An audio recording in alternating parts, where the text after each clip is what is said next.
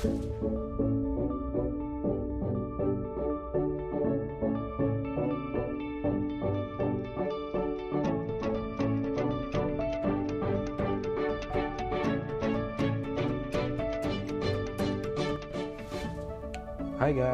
jumpa lagi. Sebenarnya nggak jumpa lagi sih ya. Ini baru yang pertama kali, jadi hmm, ini podcast perdana yang dimotori oleh Insis Media gitu. Kebetulan gue hmm, salah satu co-foundernya. Di sini gue bersama partner gue. Doni. Yes. Halo. Yes, Bro Doni. Udah kita udah siap ya untuk mulai podcast perdana ya. Di sini biasanya kita akan eh, akan sharing dan akan eh, bahas point of view point of view kita lah ya yang sama pengalaman-pengalaman kita lah di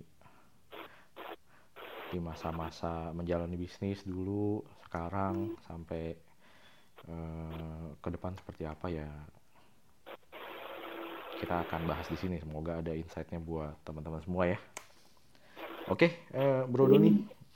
Sekarang kebetulan lagi ini ya, kita lagi lagi WFH semua ya di Insis hari ini. Sudah bulan ketiga kita WFH. Ketiga, masa sih? Bukan keempat ya? Jujur saya lupa. Ini tanggal, oh ya ini bulan Juli ya, Maret, April. Oke, ternyata kita sudah hampir empat bulan. Iya, empat bulan. Nggak berasa bro. juga ya. Iya, nggak terasa ya.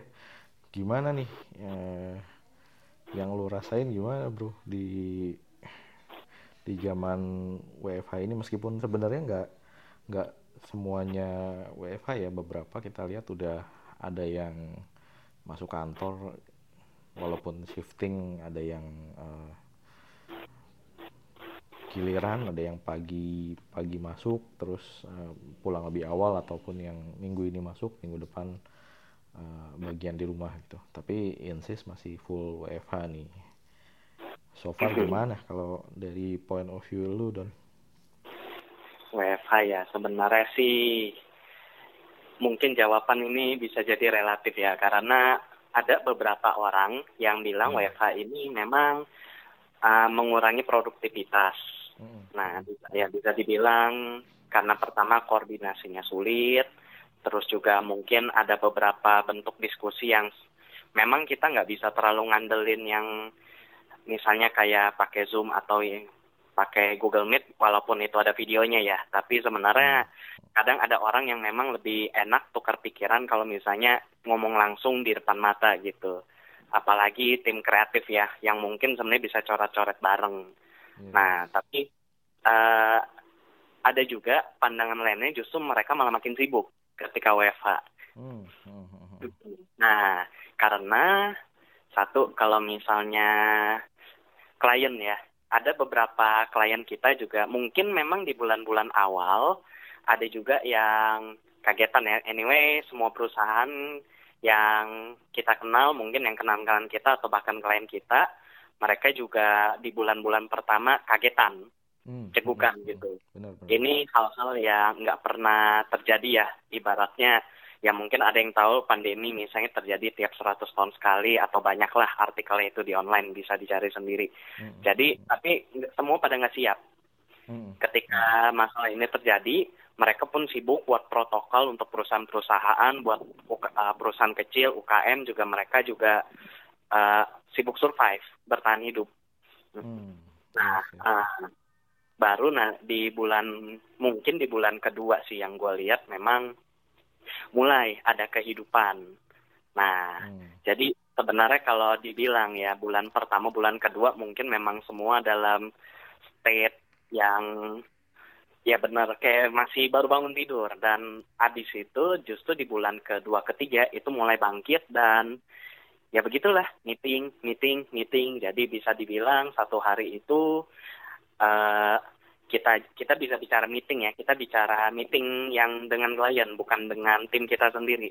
Hmm, Nah itu bisa juga sehari bisa sampai dua sampai tiga kali bisa sampai dan itu juga meeting yang sifatnya panjang. Hmm. dan jamnya nggak bisa diukur. Ada yang bilang ada yang request jam 8 pagi ada yang request jam 7 malam.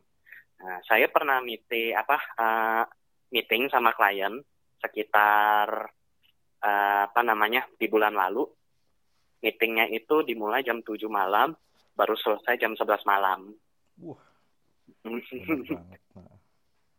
ya, jadi bisa dibilang sebenarnya variatif ya jawabannya. Mau dibilang uh, WFH ini work from home, tapi bisa juga diartikan kerja di mana saja. Karena sebenarnya kan kalau kita kerja ya, kalau misalnya uh, kita lagi meeting dengan klien A misalnya, Nah, lalu klien B juga misalnya ada request meeting, ya kita memang nggak bisa karena kita sedang meeting dengan klien A dan pasti ada yang namanya perbedaan waktu dan tempat di mana itu pasti bakal ada uh, penyesuaian juga kan ya kita hmm. bilang. Kalau misalnya satu meeting di Bogor satu meeting di Bandung nggak mungkin dalam satu hari juga misalnya. Iya nah, nah nah sedangkan ketika WFH ini ya semua terjadi di online. Jadi semua slot waktu kita kalau memang kita memanfaatkan efektif itu pasti bisanya bisa keisi semua semua tinggal kita kuat apa enggak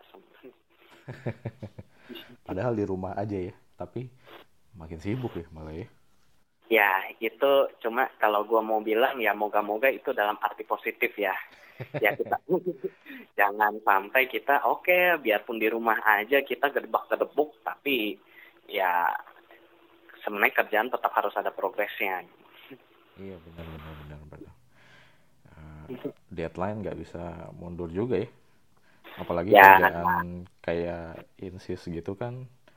Uh, ya nggak bisa mundur juga ya sangat berkaitan sama deadline mau bikin website juga mereka mau tetap mau launching kan kayak salah satu klien gitu kan ya mau launching ya tetap harus dikejar juga kerjaan ya ya memang salah satu bentuk kesulitannya juga karena waktu di WFA ini kan berarti semua orang kerja di rumah masing-masing dan ada beberapa ya tim kita mereka itu orang daerah. Jadi ketika memang pandemi ini terjadi, sebelum benar-benar semua jalur ditutup, memang kita juga udah sarankan ya udah kita semua pulang ke rumah masing-masing gitu.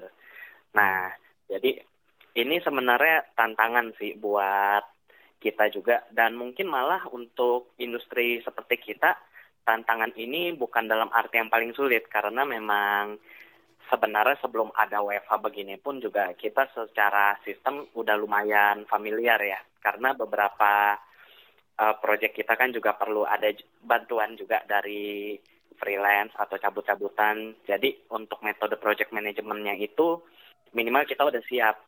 Nah, cuma bayangkan kalau misalnya industri-industri lain yang memang mereka belum punya sistem yang untuk mengatur ini, itu pasti kesulitan sih. Iya sih pastinya.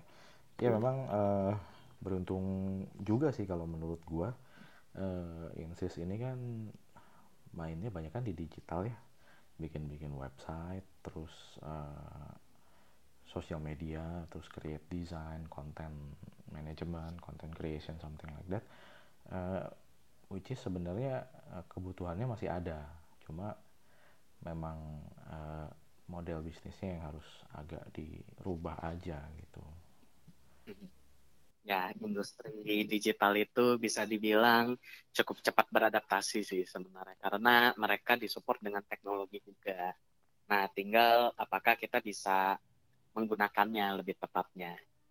Hmm, benar benar benar benar. Uh... Nah, kalau nah ini kan kita bicara kalau dari sisi operasional ya. Tapi kalau misalnya uh, bagaimana dengan kegiatan marketing dengan Bro Ernest nih? marketing. Di pandemi seperti ini yang pasti semua klien kita juga pasti merasakan ya bahwa kita sebelum pandemi ini cukup banyak meeting, lalu cukup banyak bikin proposal. Pas udah pandemi langsung Ya, senyap. Iya. Makanya uh, kayak yang lu bilang tadi sih uh, Don. Jadi uh, banyak yang penyesuaian juga ya. Karena ini kan belum belum pernah ngalamin kita. Kalau kalau dibilang siklus 100 tahunan berarti 100 tahun yang lalu gitu. Mungkin kita juga belum pada lahir gitu kan.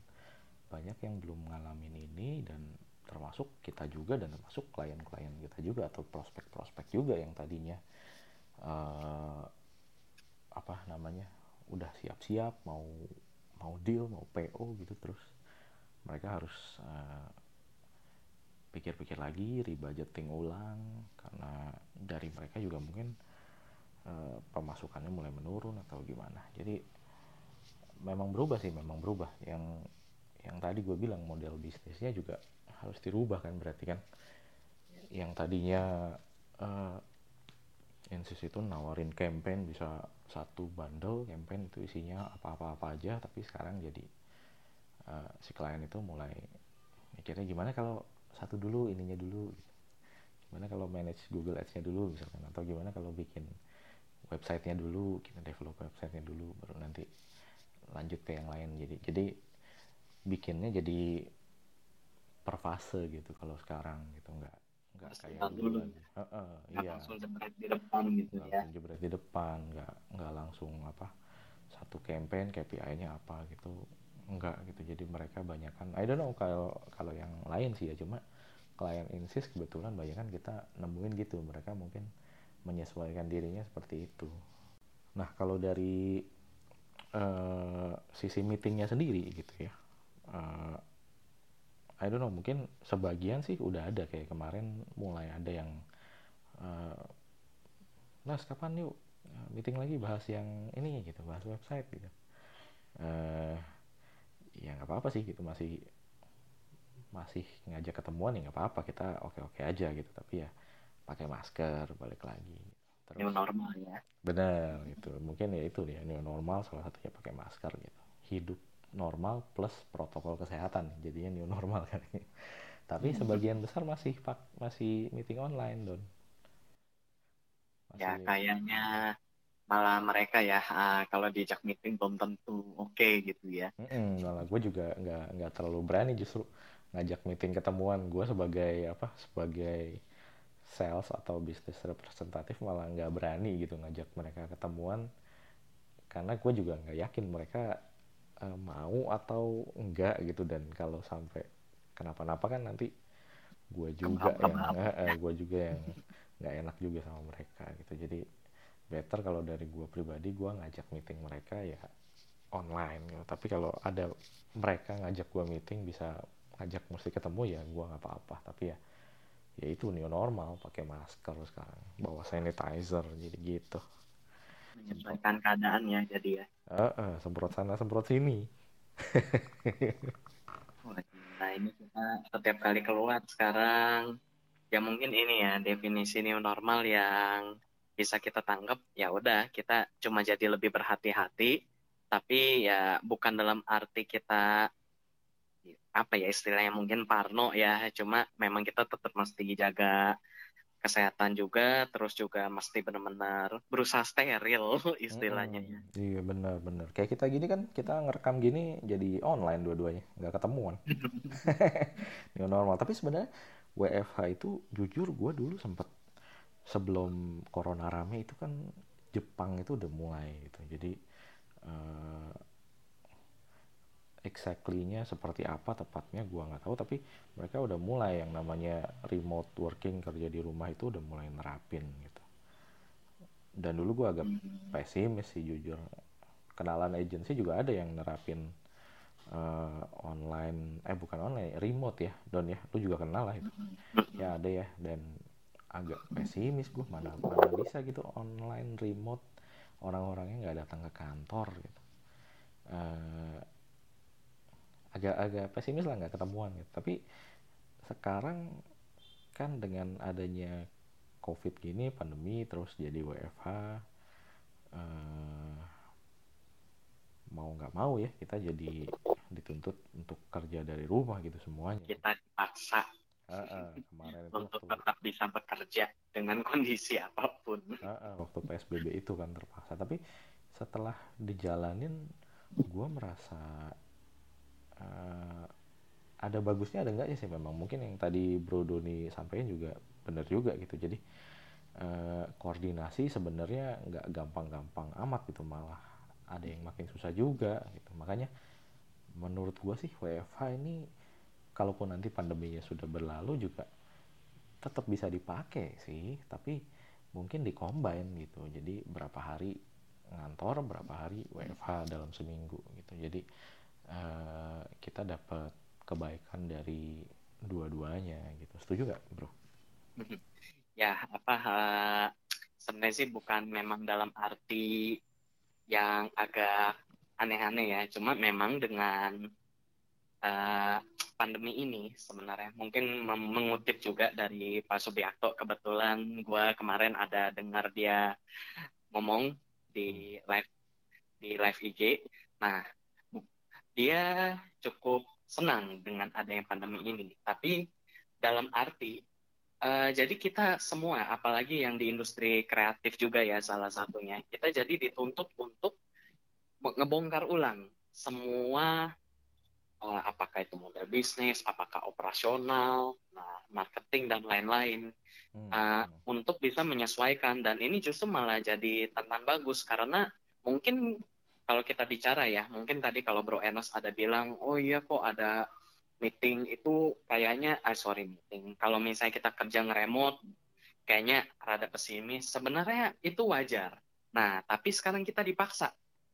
Gimana caranya? Nggak mungkin juga istilahnya usaha kita libur. Ya makan dari mana gitu kan. Yeah. gimana kita bisa bayar gaji mereka juga? Dan kita juga nggak mau kan sampai ke tahap ya udah kita harus merumahkan semua gitu ya. Bagaimanapun hmm. uh, itu kan bakal jadi ya masalah bersama. Nah sekarang kita dipaksa bagaimana caranya kita tetap bisa beroperasional walaupun kondisi kita di rumah aja.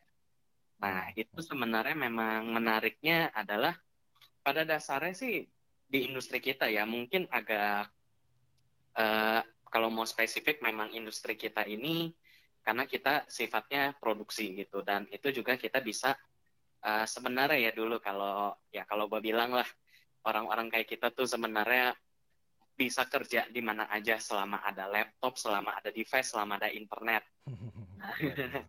Nah, nah, jadi sebenarnya memang di industri kita ini, hmm, kalau kita bicara, oh kerja remote, sebenarnya itu pasti memungkinkan. Tinggal apakah kita benar-benar bisa koordinasi. Dan uh, project manajemennya juga sesuai lah dengan apa target delivery kita gitu ya. Maksudnya uh, memang sih di masa pandemi ini bukan dalam arti, oh kita tetap ada target kita kejar ya. Tetap kita juga ada pertimbangan, dari sisi itu juga cuma nah, karena pada ujung-ujung kan juga kita, kita harus delivery ke klien juga hmm. nah, tinggal bagaimana kita coba uh, berkoordinasi dengan tim kita kita punya target kita punya apa istilahnya uh, metodenya bagaimana kendala di mana nah itu sebenarnya yang harus kita jaga. Iya benar. Sih sebenarnya kalau kita bicara oke okay, di masa sebenarnya metode remote ini bukan dalam arti buruk karena mayoritas orang di luar ya kita kalau gue mau spesifik ngomong negara-negara barat negara-negara uh, Asia Asia yang lain juga mungkin banyaklah dari teman-teman juga pada dengar tentang oh ada website untuk freelance kayak freelancer works work Upwork dan lain-lain gitu. Dan mereka juga saya prinsipnya sama. Ada project deliver, bayar. Nah, itu cukup model seperti itu berarti sebenarnya bisa diterapkan. Karena apa? Yang penting deliverynya tetap berjalan komunikasi tetap berjalan dan kalau ada dispute ada yang nengahin hmm, hmm, hmm, hmm. ya benar banget makanya dulu waktu gua nanya lu don yang paling penting apa sih dalam hidup lu? Lu jawabnya internet ya. Di zaman sekarang, terlepas dari kehidupan dasar, manusia itu butuh akses ke informasi dan hiburan. Dan sekarang itu mau ke cover dengan internet. Iya, mantap deh. Keren deh. Ya, gitu sih. Emang benar sih. Terlepas dari uh, apa namanya siklus 100 tahun itu kan katanya bumi itu merefresh kembali ya berarti kalau gue pikir sih kita juga dituntut untuk nge-refresh lagi ya nge-refresh lagi gimana cara kita doing business nge-refresh lagi mindset kita gimana refresh lagi uh, cara berpikir kita kayak apa gitu. Ngabisin mm -hmm. waktu juga kita di refresh lagi gitu. Gimana cara kita ngabisin waktu gitu? Kalau dulu bisa meeting kongko kongko di mall di kantor. Sekarang di rumah aja. Mau ngapain coba? Gitu kan? Kerja di rumah aja. Nggak bisa sambil ngopi nggak bisa sambil apa-apa. Ngopi seduh sendiri ya. Seduh sendiri iya. Kayak lu dong gitu kan bikin dalgona tuh keren kan? Waktu iya. bulan-bulan awal. Oh, dalgona coffee. Wah maaf rumah di sini juga sudah langsung oke. Okay, taruh dalgona eh, taruh kopi siapin blender der ya iya. dah sekali jadi cukup. Uh, boleh tuh nanti. Lu kan penggemar teh kopi ya. Nanti bahas teh kopi don. Waduh. next edition. Mm -mm. wah siap. Akan alangkah lebih baiknya kalau misalnya ada orang yang bisa pro ya. Jujur kalau untuk kopi gue masih nggak terlalu familiar. Teh dulu ya teh dulu ya. Macam aduh. Tapi okay. memang gimana, gimana? di masa sekarang ini lebih ke arah mental ya kalau dilihat. Uh, banyak contoh kasus nggak dalam konteks bisnis juga ya. Jadi misalnya kayak nih gue kemarin ada ngomong sama salah satu teman gue hmm. hmm, apa namanya? Banyak ya cukup banyak lah minimal di lingkaran gua ya hmm. uh, ada beberapa orang-orang yang justru uh, jadi bereaksi cukup mungkin bukan cukup lah sangat negatif antara sadar atau tidak sadar gitu hmm. uh, dari ada yang dah khawatir dari sisi usahanya gitu usaha nggak jalan ada yang khawatir memang murni dari sisi kesehatan apalagi kalau misalnya punya keluarga dan anak-anak hmm. Nah, cuma gue memang ada kasih kata-kata yang mungkin mirip kayak yang tadi, yang siklus 100 tahun ya. Maksudnya terlepas dari sejarahnya, jujur aja gue juga nggak tahu secara detail yaitu yang cuma tahu itu ada flu apa ya yang waktu 100 tahun itu. Nah, Spanyol. Uh, Iya, Spanyol, Spanyol itu. kolera sama apa gitu satu lagi. Waduh zaman dulu pasti lebih parah karena berbeda di zaman sekarang yang akses informasinya terlalu mudah ya. Bayangkan ini terjadi 10 tahun yang lalu, kita hancur, bisa jadi. Ya, ya. Nggak mungkin angka segitu, angka segitu nggak mungkin cuma segitu. Mm, mm. Iya, jadi satu yang gue ngomong ke temen gue, justru kita harusnya uh, bisa dibilang tuh keren. Karena apa? Di masa hidup kita, kita mengalami momen seperti ini. Apalagi ya kita bisa dibilang generasi awal-awal generasi milenial ya, di mana kita ini kan generasi transisi hmm. antara generasi yang ada Gen Z, ada Gen apalagi ya sorry di atas kita itu. Gen, nah, apalah. ya, nah uh, karena apa? Kita ada di periode transisi. Kita ada di tengah-tengah ketika uh, transformasi teknologi terjadi ya. Anyway, kita udah ngerasain dari zaman TV masih hitam putih sampai sekarang HP kita pun udah bisa muter empat kali ke atas gitu kan. Hmm. Biarpun kita masih pernah ngerasain hitam putih. Kita ngerasain perkembangan internet, perkembangan teknologi, perkembangan tren semua dan di momen-momen seperti ini kita juga ngerasain ketika seluruh satu dunia bergerak. Hmm. Satu dunia merasakan masalah yang sama Nah, jadi di sini tuh apa namanya? Kalau kita lihat dari sisi itu, mungkin kita bisa dibilang jangan terlalu negatif ya, karena perubahan itu pasti ada dan ini kita memang agak sedikit dipaksa gitu ya. Iya. Nah, tinggal dari sisi kita yang penting positif aja. Iya. Banyak orang-orang yang ibaratnya stres di masa-masa seperti ini. Dan stresnya juga oke okay lah ada dari sisi kerjaan ada dari sisi bisnis usaha atau memang sekedar takut itu banyak. Yang hmm. penting mental kita tetap terjaga aja. Ada juga yang mungkin ya uh, ada juga mungkin generasi-generasi yang mungkin kita atau di bawah kita malah nggak stres. Bukan nggak bukan dalam arti nggak stres malah kayaknya ya biasa aja gitu. Jadi mungkin masih ada aja yang jalan-jalan ke mall walaupun waktu itu uh, baru awal-awal pandemi mereka baru berhenti ke mall setelah mall ditutup gitu. Ada juga. Nah, tapi justru mungkin orang-orang seperti itu yang secara mental yang mungkin ya lebih bisa bertahan karena problem kita justru di tiga bulan empat bulan terakhir ini sebenarnya lebih ke arah tekanan.